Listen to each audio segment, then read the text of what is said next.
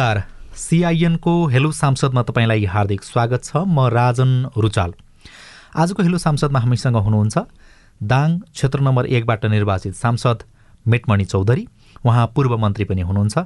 एकीकृत समाजवादीको नेता पनि हुनुहुन्छ। यहाँलाई स्वागत छ सिआइएनमा हवस् नमस्ते। अहिले चाहिँ चुनाव अगाडिको जुन गठबन्धन थियो पुरानै गठबन्धनमा तपाईँहरू अब सबै फर्किसकेको हो राजनीतिक दलहरू? पुरानो समीकरण मात्र होइन त्यसमा केही राजनीतिक दलहरू थपिने काम भएको छ।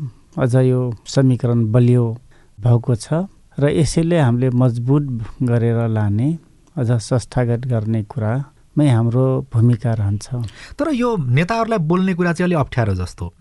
किनभनेदेखि एमाले सत्ता समीकरणमा उहाँहरू हुँदाखेरि चाहिँ कतै पार्टी एकता भइ पो हाल्छ कि अथवा हामी पनि सरकारमा सहभागी भइ पो हाल्छौँ कि भनेर त्यही खालको भाषा बोल्नुपर्ने।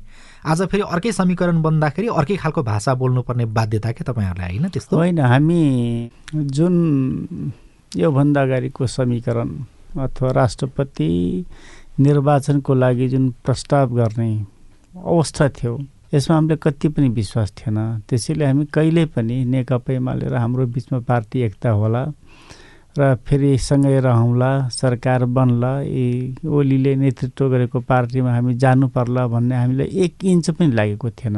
त्यसैले हाम्रो ल्याङ्ग्वेजहरू हाम्रा जुन प्रेजेन्टेसनहरू त्यस्तो कहिले पनि चेन्ज भएन। केही दिन अगाडिसम्मको कुरा चाहिँ तपाईँको पार्टी अध्यक्ष माधव कुमार नेपाल भावी राष्ट्रपतिको रूपमा चाहिँ नाम चर्चामा रहेको पात्र हुनुहुन्थ्यो।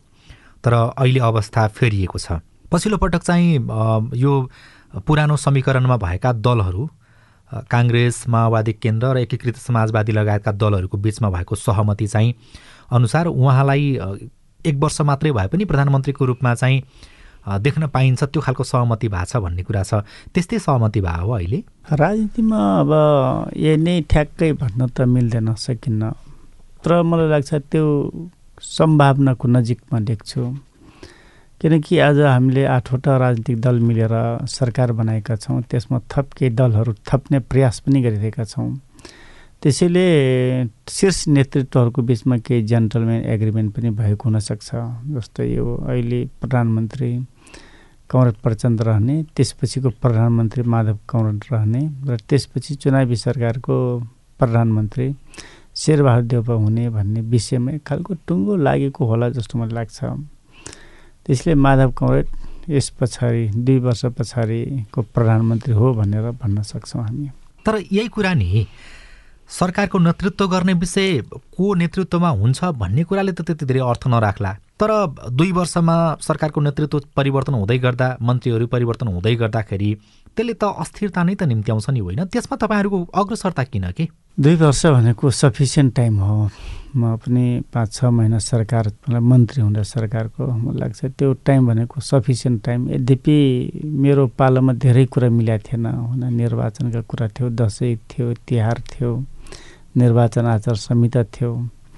त्यसैले आफूले चाहेको जस्तो काम त गर्न सकिएन तर मलाई के लाग्यो भने त्यो सफिसियन्ट टाइम हो। यदि सबै फ्रिक्वेन्टली काम गर्न पाएको भए त्यो धेरै महत्त्वपूर्ण धेरै पुरा टाइम हो। त्यसैले एउटा व्यक्ति अब मुलुकलाई कस्तो बनाउने जस्तै कमर प्रचण्डले कस्तो बनाउने या माधव नेपालले कस्तो बनाउने या देउपाले कस्तो बनाउने यो कुरा जनताले त्यहाँ देखिसक्नु भएको छ भनेर हेर्नु भएको छ।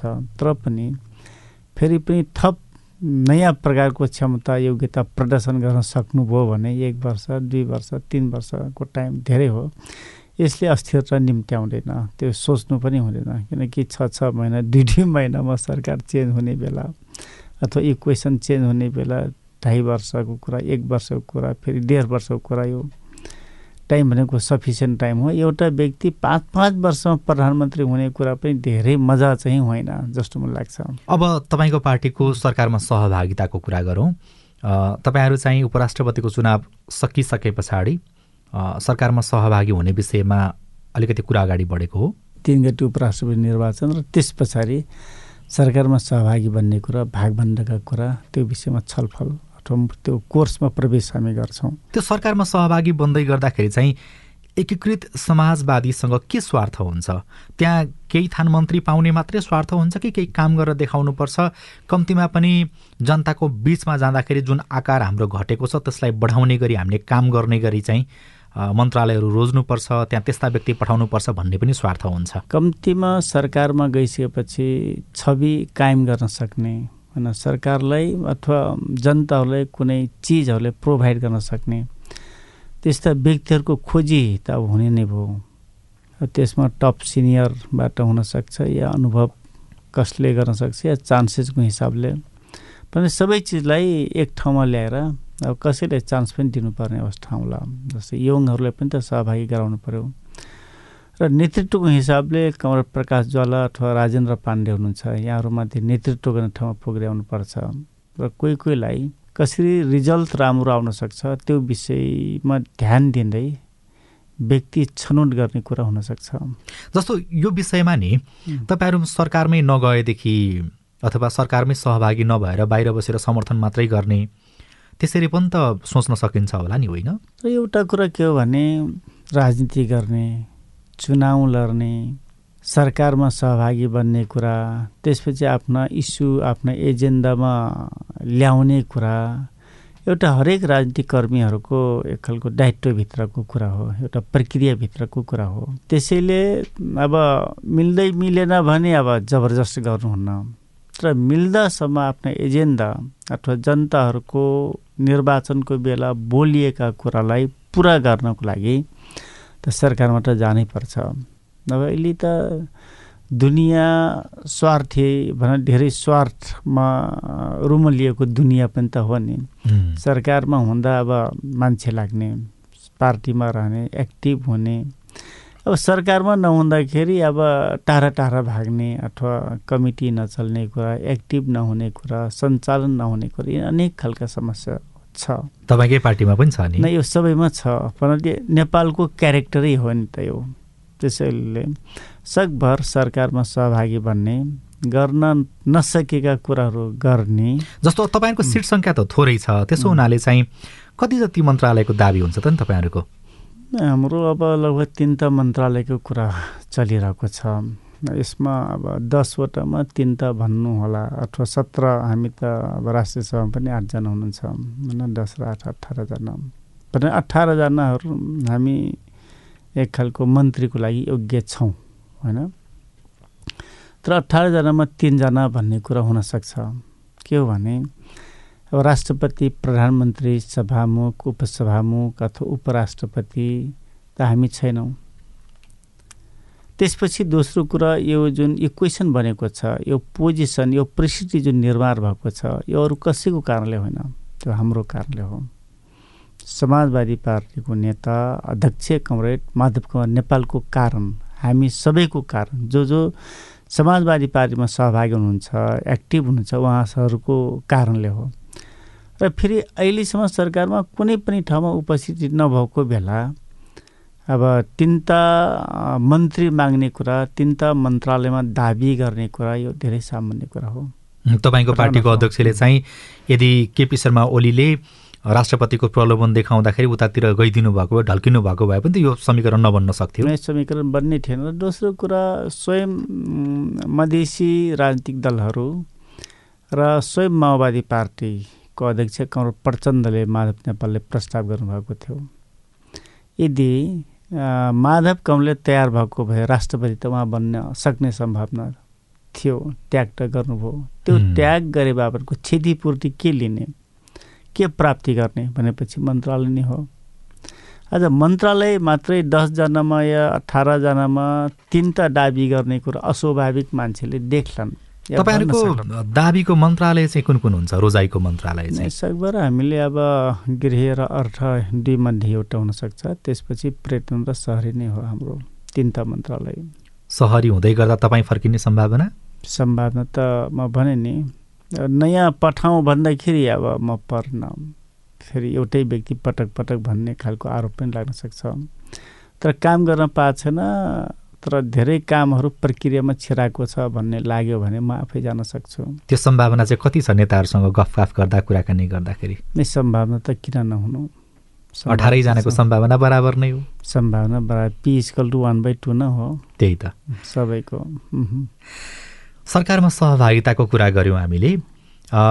अब यसभन्दा बाहिर निस्केर अलिकति संसदको कुरा गरौँ सांसदहरूको कुरा गरौँ। संसदमा चाहिँ नयाँ नयाँ अनुहारहरू पनि यसपटक अलि बढी देखिएका छन्।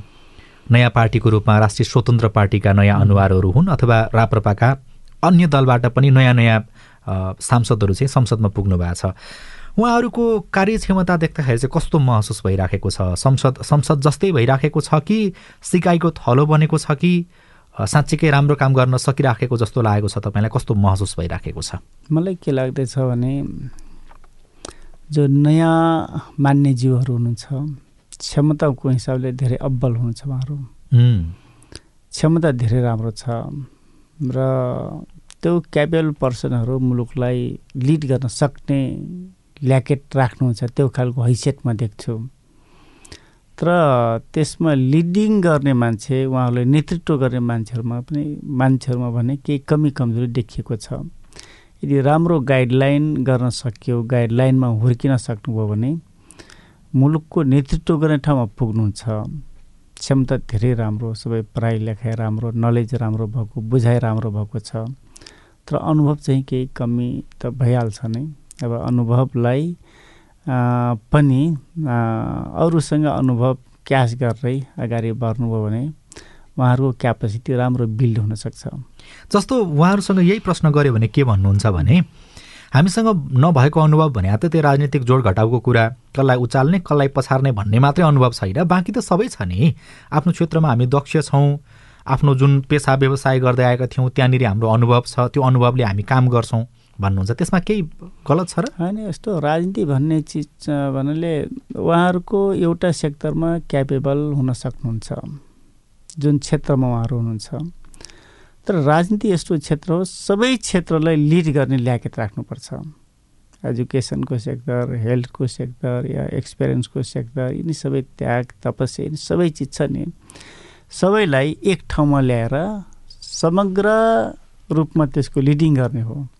राजनीति भनेको त्यो न हो।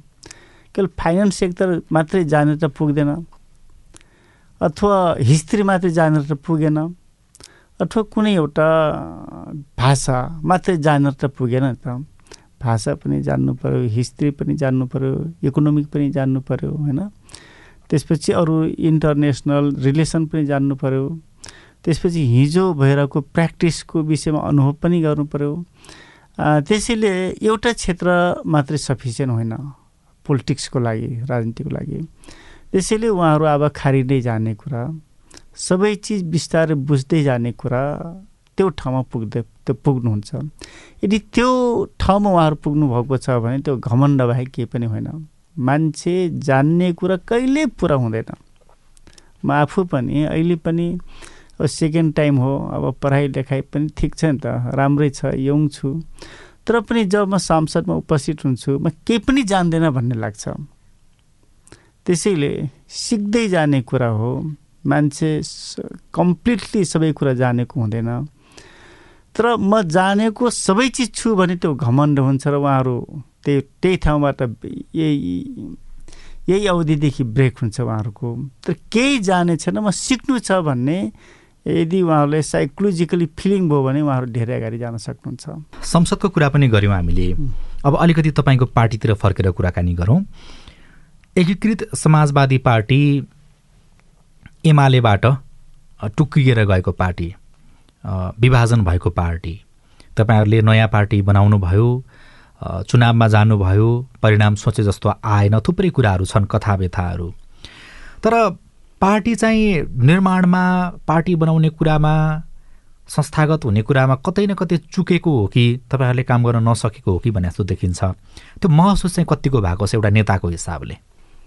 हामीले महसुस गरेका छौँ। निर्वाचनको बेला जुन तरिकाले जसरी जनताहरूको बिचमा हामीले पुग्नु पर्थ्यो हाम्रा निर्वाचन चिन्ह चिनाउनु पर्थ्यो त्यो गर्न सकेनौँ। अब सजिलैसँग दस बाह्र लाख भोट आइहाल्छ। राष्ट्रिय पार्टी बन्दैन भन्ने कुरा त हामीले कल्पना समेत गरेका थिएनौँ। तर आज के भयो भने ठुला भनिएका सबै राजनीतिक दलको अगाडि यो ठुलो च्यालेन्ज केवल हाम्रो मात्रै होइन काङ्ग्रेसको हकमा पनि यो लागु भएको छ एमालेको हकमा पनि लागु भएको छ माओवादीको हकमा पनि लागु भएको छ जो हामी पुराना राजनीतिक दलहरू थियौँ। सबै दलको हकमा यो लागु भएको छ र त्यसको असर हामीलाई पनि पर्यो। तर तपाईँहरूलाई त अलिक बढ्ता नै असर पर्यो होइन बढ्ता तपाईँले उन्नाइस ठाउँमा हामीले नोमिनेसन थियो। दसवटा जितेका छौँ।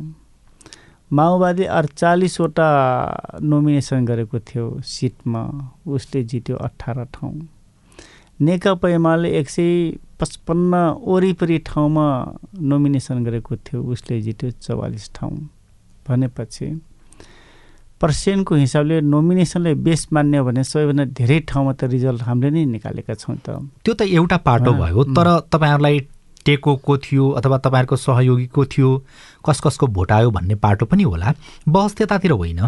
तर तपाईँको पार्टीको चाहिँ तल्लो तहका कमिटीहरू कति छन् कति चाहिँ तपाईँहरू जनताको बिचमा भेज्नु भएको छ? अहिले पनि के चुनाव पछाडि पनि तपाईँहरू कतिको गाउँ फर्केर जानुभएको छ? कति जनताको बिचमा पुग्नु भएको छ पुग्न सक्नु भएको छ? त्यो हो नि त प्रश्न त होइन र। होइन। त्यो अहिले हामीले जुन तरिकाले हिजो जानुपर्थ्यो जान सकेका छैनौँ। तर निर्वाचनको रिजल्ट पछाडि हामीले ठुलो एक खालको दुःखी चाहिँ बनाएको छ। हामीले निकै ठुलो कमजोरी गरेका छौँ। अब त्यसै रिकभर गरेर जानुपर्छ भनेर पार्टीको अब सबै कमिटीका मिटिङहरू बस्यो केन्द्रीय कमिटीको मिटिङसम्म बसेको छ। अहिले प्रदेशहरूमा प्रशिक्षण कार्यक्रमहरू प्रदेश भेलाहरू जिल्लाका प्रशिक्षण कार्यक्रमहरू कमिटीहरू निर्माण गर्ने त्यो अभियानमा छौँ। म आफू पनि डाङको एउटा स्थानीय पालिकाको जिम्मेवा छ म एकपटक पुगेर आएको छु र फेरि पनि जाँदैछु। यसैले जो जो केन्द्रीय कमिटीका सदस्यहरू थियौँ अथवा पोलिट ब्युरोको स्थायी कमिटीका सबैले एउटा एउटा पालिकाको जिम्मा लगाएर पार्टी अगाडि बढेको छ। हिजोको दिनमा हामी निकै थोरै सङ्ख्यामा थोरै पालिका थोरै वडा मात्र पुगेका थियौँ भने अब कम्तीमा तिन चार महिनाभित्र सबै वडा कमिटीहरू निर्माण गरिसक्ने गरी अभियान बनाएका छौँ त्यही अनुसारको लागिरहेका छौँ। तपाईँहरूको पार्टी त जनता समाजवादी पार्टी नेपाल जसपासँग चाहिँ एकीकृत हुने रे एकता हुने रे भन्ने हल्ला पनि थियो। यही कुरा मैले तपाईँको पार्टी अध्यक्षलाई सोधेको पनि थियो अन्तर्वार्ताकै क्रममा। उहाँले हाँस्दै जवाफ दिनुभएको थियो। हुन पनि सक्छ हामी छलफल गरिराखेका छौँ भनेर। अनि नेता त्यसको नेतृत्व कसले गर्ने त तपाईँले कि उपेन्द्र यादवले भनेर मैले सोधेको थिएँ। त्यो पछि छलफल हुने विषय हो भनेर उहाँले हाँस्दै जवाफ दिनुभएको थियो। त्यो कहाँ पुग्यो? जसपासँगको तपाईँहरूको एकताको कुरा माओवादीसँग पनि एकता गर्ने भनेर हल्ला थियो त्यो कुरा कहाँ पुग्यो? के भइराखेको छ? यस्तो अब हल्लाहरू भइरहेको छ। कुनै बेला समाजवादी र नेकपा एमालेको बिचमा पनि एकता होला भन्ने हल्ला पनि त थियो नि त। त्यो त्यस्तै छ। र जहाँसम्म हाम्रो समाजवादी पार्टी अथवा उपेन्द्र यादव जनता समाजवादी पार्टी र एकीकृत समाजवादी पार्टीको बिचमा एक खालको मिल्छ भने पार्टी एकता नै गर्ने यदि मिल्दैन भने मोर्चा भएर पनि बनाएर अगाडि बढ्ने भन्ने कुरा त्यो ठाउँमा चाहिँ हामी पुगेका छौँ। यो राष्ट्रपति उपराष्ट्रपति र यो मन्त्री बनाइसकेपछि फेरि पनि यो बहस यो छलफल अगाडि बढ्छ। सम्भवतः यो सबैको हकमा जो जो जो जोसँग मिल्न सक्छ सबैसँग मिल्ने र आफूलाई स्ट्रङ बनाउने अब त्यही अभियानमा सबै राजनीतिक दलहरू छौँ। त्यसको मतलब चाहिँ सङ्ख्याको हिसाबले अलिकति बलियो बन्न पाएदेखि बार्गेनिङमा सजिलो हुन्छ भनेर होला होइन? बार्गेनिङ त अब दुइटा मिल्दा पनि आखिरमा त्यही हो होइन? आज हामीले एकीकृत समाजवादी पार्टीले अब बार्गेनिङ गर्दाखेरि दस सिटलाई आधार मान्छौँ। अब दस सिटलाई आधार मान्दा थोरै हुन्छ। भोलि दुईवटा पार्टीको बिचमा एक त हुँदा बाइस हुन्छ फेरि बाइसलाई आधार मान्ने होला। त्यसरी बार्गेनिङ भन्दा पनि आवश्यकता छ। अब एउटा व्यक्ति या एउटा राजनीतिक दलले सिङ्गल रहने कुरा बाँचिरहने कुरा जीवित रहने कुरा मलाई लाग्छ सम्भव छैन। त्यसैले ठुला राजनीतिक दलहरू पनि आफ्नो अस्तित्वको लागि साना राजनीतिक दलहरूको सहयोग दिइरहेका छन्। अहिले जुन देखियौँ हामीले निर्वाचनभन्दा अगाडि केवल हामी मात्रै होइन आखिरमा काङ्ग्रेसलाई पनि त हाम्रो हाम्रो जरुरी भयो। अथवा माओवादीलाई पनि काङ्ग्रेसको जरुरी भयो। अथवा हामीलाई काङ्ग्रेस र माओवादीको जस अथवा लोसफाको जरुरी भयो। अब नेकपा एमाले भित्र पनि हलो चिन्हको जरुरी भयो अथवा अर्काको जरुरी भयो भनेपछि हामीले यो युगमा पाइला टिकेका छौँ। आफ्नो अस्तित्व रक्षाको लागि साना राजनीतिक दलहरू ठुलाका सहयोग लिनुपर्ने र ठुला पनि ठुला हुनको लागि अथवा second largest first largest party हुनको लागि साना दलहरूको सहयोग अनिवार्य। एउटा सबैको हकमा लागु भइरहेको छ र हामी पनि त्यो ठाउँमा छौँ। मन्त्री हुँदाखेरि बाहिर बसेर सोचे जस्तै गरी काम गर्न सजिलो हुँदो रहेछ कि अलि अप्ठ्यारो नै पर्छ कि अप्ठ्यारो पार्नेहरू को को हुन्छन् होला? कसले कसले गर्दा चाहिँ सजिलो हुँदो रहेछ? कसले कसले गर्दा अप्ठ्यारो हुँदो रहेछ? के अनुभव हो तपाईँलाई? मन्त्री हुँदा सबैभन्दा अप्ठ्यारो ब्युरो कृषिबाट नै हुने गर्छ। कर्मचारी तन्त्रबाट? कर्मचारी तन्त्रबाट। उहाँहरूको काम जनताको लागि काम गर्नुपर्छ भन्ने मनोविज्ञान नै हुँदैन।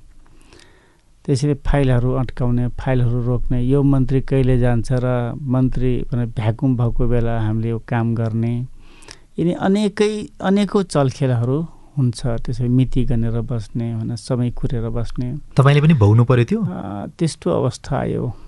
त्यस्तो धेरै अब यो समग्र यो ब्युरोक्रेसीको क्यारेक्टर नै हो नेपालको। त्यसरी त्योबाट अछुटो त हुने कुरो भएन। किन चाहिँ त्यसो गर्दो रहेछ त्यो कर्मचारी तन्त्रले? उहाँहरूले अब जवाबदेही त नै छैन जस्तो लाग्छ मलाई। जनताप्रतिको जवाबदेही त राष्ट्रप्रतिको जवाबदेही त उहाँहरूले फिलिङ नै गर्नुभएको छैन। मन्त्रीले गलत काम गर्न खोजेर रोक्नु भएको पो हो कि? त्यस्तो हुँदैन। हुन्छ भन्नुहुन्छ उहाँहरू। काम गरौँ ल गरौँ भन्नुहुन्छ तर काम कहिले नगर्ने? जस्तै कुनै इस्यु आयो। त्यसको लागि कमिटी निर्माण गर्नुहोस्। सात दिनभित्र यो प्रतिवेदन बुझाउने निर्णय गर्नु। सात दिन त धेरै सात दिन बित्छ तर पनि हुन्छ भनिरहेको छन् भोलि भन्ने कुरा भइरहेको छ। त्यस्तो अवस्थामा चाहिँ त्यस्तो अवस्थामा चाहिँ मन्त्रीले गर्न सक्ने केही हुँदैन? मन्त्रीले अब उनले सर्व सर्व गर्न सक्ने कुरा हुन्छ होइन? तर फेरि के छ भने तपाईँलाई सर्व ल मानव गर्यो। तपाईँ त कुनै न कुनैसँग एट्याचमेन्ट हुनुहुन्छ कि काङ्ग्रेससँग हुनुहुन्छ कि एमालेसँग हुनुहुन्छ। कर्मचारीको ऊ त छ नि त।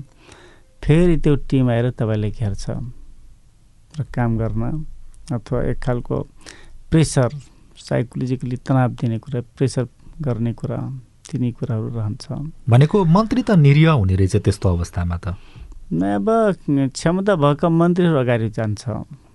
क्षमता नभएको मान्छे त्यही गोलचक्रमा फसिरहेको हुन्छ। त्यही कुरा चाहिँ मन्त्रीले त्यति बेला बाहिर आएर मिडियामा भन्न किन सक्दैन अथवा जनतालाई किन भन्न सक्दैनन्? जनताले त भनेको भने हुन्छ। अब के आफ्ना कुरा पनि जनताले के भन्ने कुरा हुन्छ? यद्यपि मेरो पालोमा धेरै कामहरू त पुरा भएको छ अगाडि बढेको छ तर जुन मेरो रफ्तार थियो जसरी मैले काम गर्न चाहेको थिएँ अब त्यो त्यो तरिकाले काम त भएन होइन? मैले भने छ महिना सफिसियन्ट टाइम यद्यपि चारवटा ठुला के के दसैँ तिहार होइन चुनाव अनि आचार संहिता भएको कारणले काम त गरिएन तर गर्न सकिने टाइम चाहिँ हो। त्यसमा पनि कतिपय अवस्थामा कर्मचारी तन्त्रले चाहिँ सघाएन। यो सघाउँदैनन् कसैले पनि सघाउँदैनन्। त्यसैले म सधैँभरि के भन्छु भने कर्मचारी यो कर्मचारीबाट र यो नेताबाट काम चाहिँ अब उहिलेदेखि है लागिएछ लागेछ लागेछ। काम हुन्न भने एक खालको बानी क्यारेक्टर कल्चर नै त्यस्तो भइसकेको छ। पोलिसी बनाउ बनाउने कार्यक्रम बनाउने तर त्यसलाई फलोअप नगर्ने। कार्यान्वयन नगर्ने। यो बानी नै परिसकेको छ। यो संस्कृति नै भइसक्यो। संस्कृति भइसकेको छ। त्यसैले यो लेभलका कर्मचारीबाट अब काम चाहिँ हुँदैन। तपाईँको निष्कर्ष यो चाहिँ। मेरो निष्कर्ष त्यस्तो छ। अन्तिममा अब सरकारमा सहभागी हुँदै गरेका नयाँ मन्त्रीहरू जोसँग कम्तीमा पनि दुई वर्ष चाहिँ काम गर्ने अवसर हुनेछ। त्यस्ता मन्त्रीहरूको लागि तपाईँ अनुभवी भएको कारणले तपाईँको सुझाव चाहिँ के रहन्छ? मेरो सुझाव उहाँहरू के काम गर्ने भन्ने कुरो पहिले त फाइन्ड आउट गर्नु पऱ्यो आइडेन्टिफाई गर्नु पऱ्यो त्यसै त्यसका ब्यारियरहरूको बारेमा पनि चिन्नु पऱ्यो डिस्कसन गर्नु पऱ्यो र अगाडि बढ्नुपर्छ। जस्तो सुकै ब्यारियर भए पनि त्यसलाई अब सामान्य रूपमा लिनुपर्छ। त्यसलाई अनेकको प्रयास गरेर त्यसलाई सजिलो बनाउनुपर्छ। यसो गरियो भने मुलुक अगाडि जान्छ। अन्यथा त्यो कर्मचारीको चङ्गुलमा फस्ने त्यही गोलचक्करमा फस्ने मन्त्री पनि पैसा कमाउने प्रयास गर्ने कर्मचारी पनि पैसै कमाउने प्रयास गर्ने अनि मुलुक जहाँको तहीँ जस्तोको तस्तै रहन्छ त्यसैले अब अब हामीले काम गरौँ भन्छु म। समस्या छ त्यसलाई सम्बोधन गरौँ। अगाडि बढौँ। लोभ लालच भई आतङ्क त्रास डर योबाट मुक्ति पाऊँ। तपाईँको हकमा पनि तपाईँ विकासे मन्त्रालयकै नेतृत्वमा हुनुहुन्थ्यो नि त। त्यसो भएको कारणले त्यहाँ चाहिँ अब ठेक्कापट्टामा संलग्न मान्छेहरू निर्माण व्यवसायीहरू ठुल्ठुलो त्यहाँ हुने भए आउने भए उनीहरूले कुनै पनि विषयमा प्रलोभनहरू देखाउने यसो गरौँ मन्त्रीज्यू मिलेर गरौँ भन्ने त्यस्तो पनि हुन्थ्यो तपाईँलाई? ए हुन्छ नि त्यस्तो त किन नहुनु। जस्तै तपाईँले मानौँ तिन अरबको मानव प्रोजेक्ट छ। भने ठेकदारहरू के भन्न आउँछन् भने यो प्रोजेक्टलाई पेन्डिङमा राखिदिनुहोस्।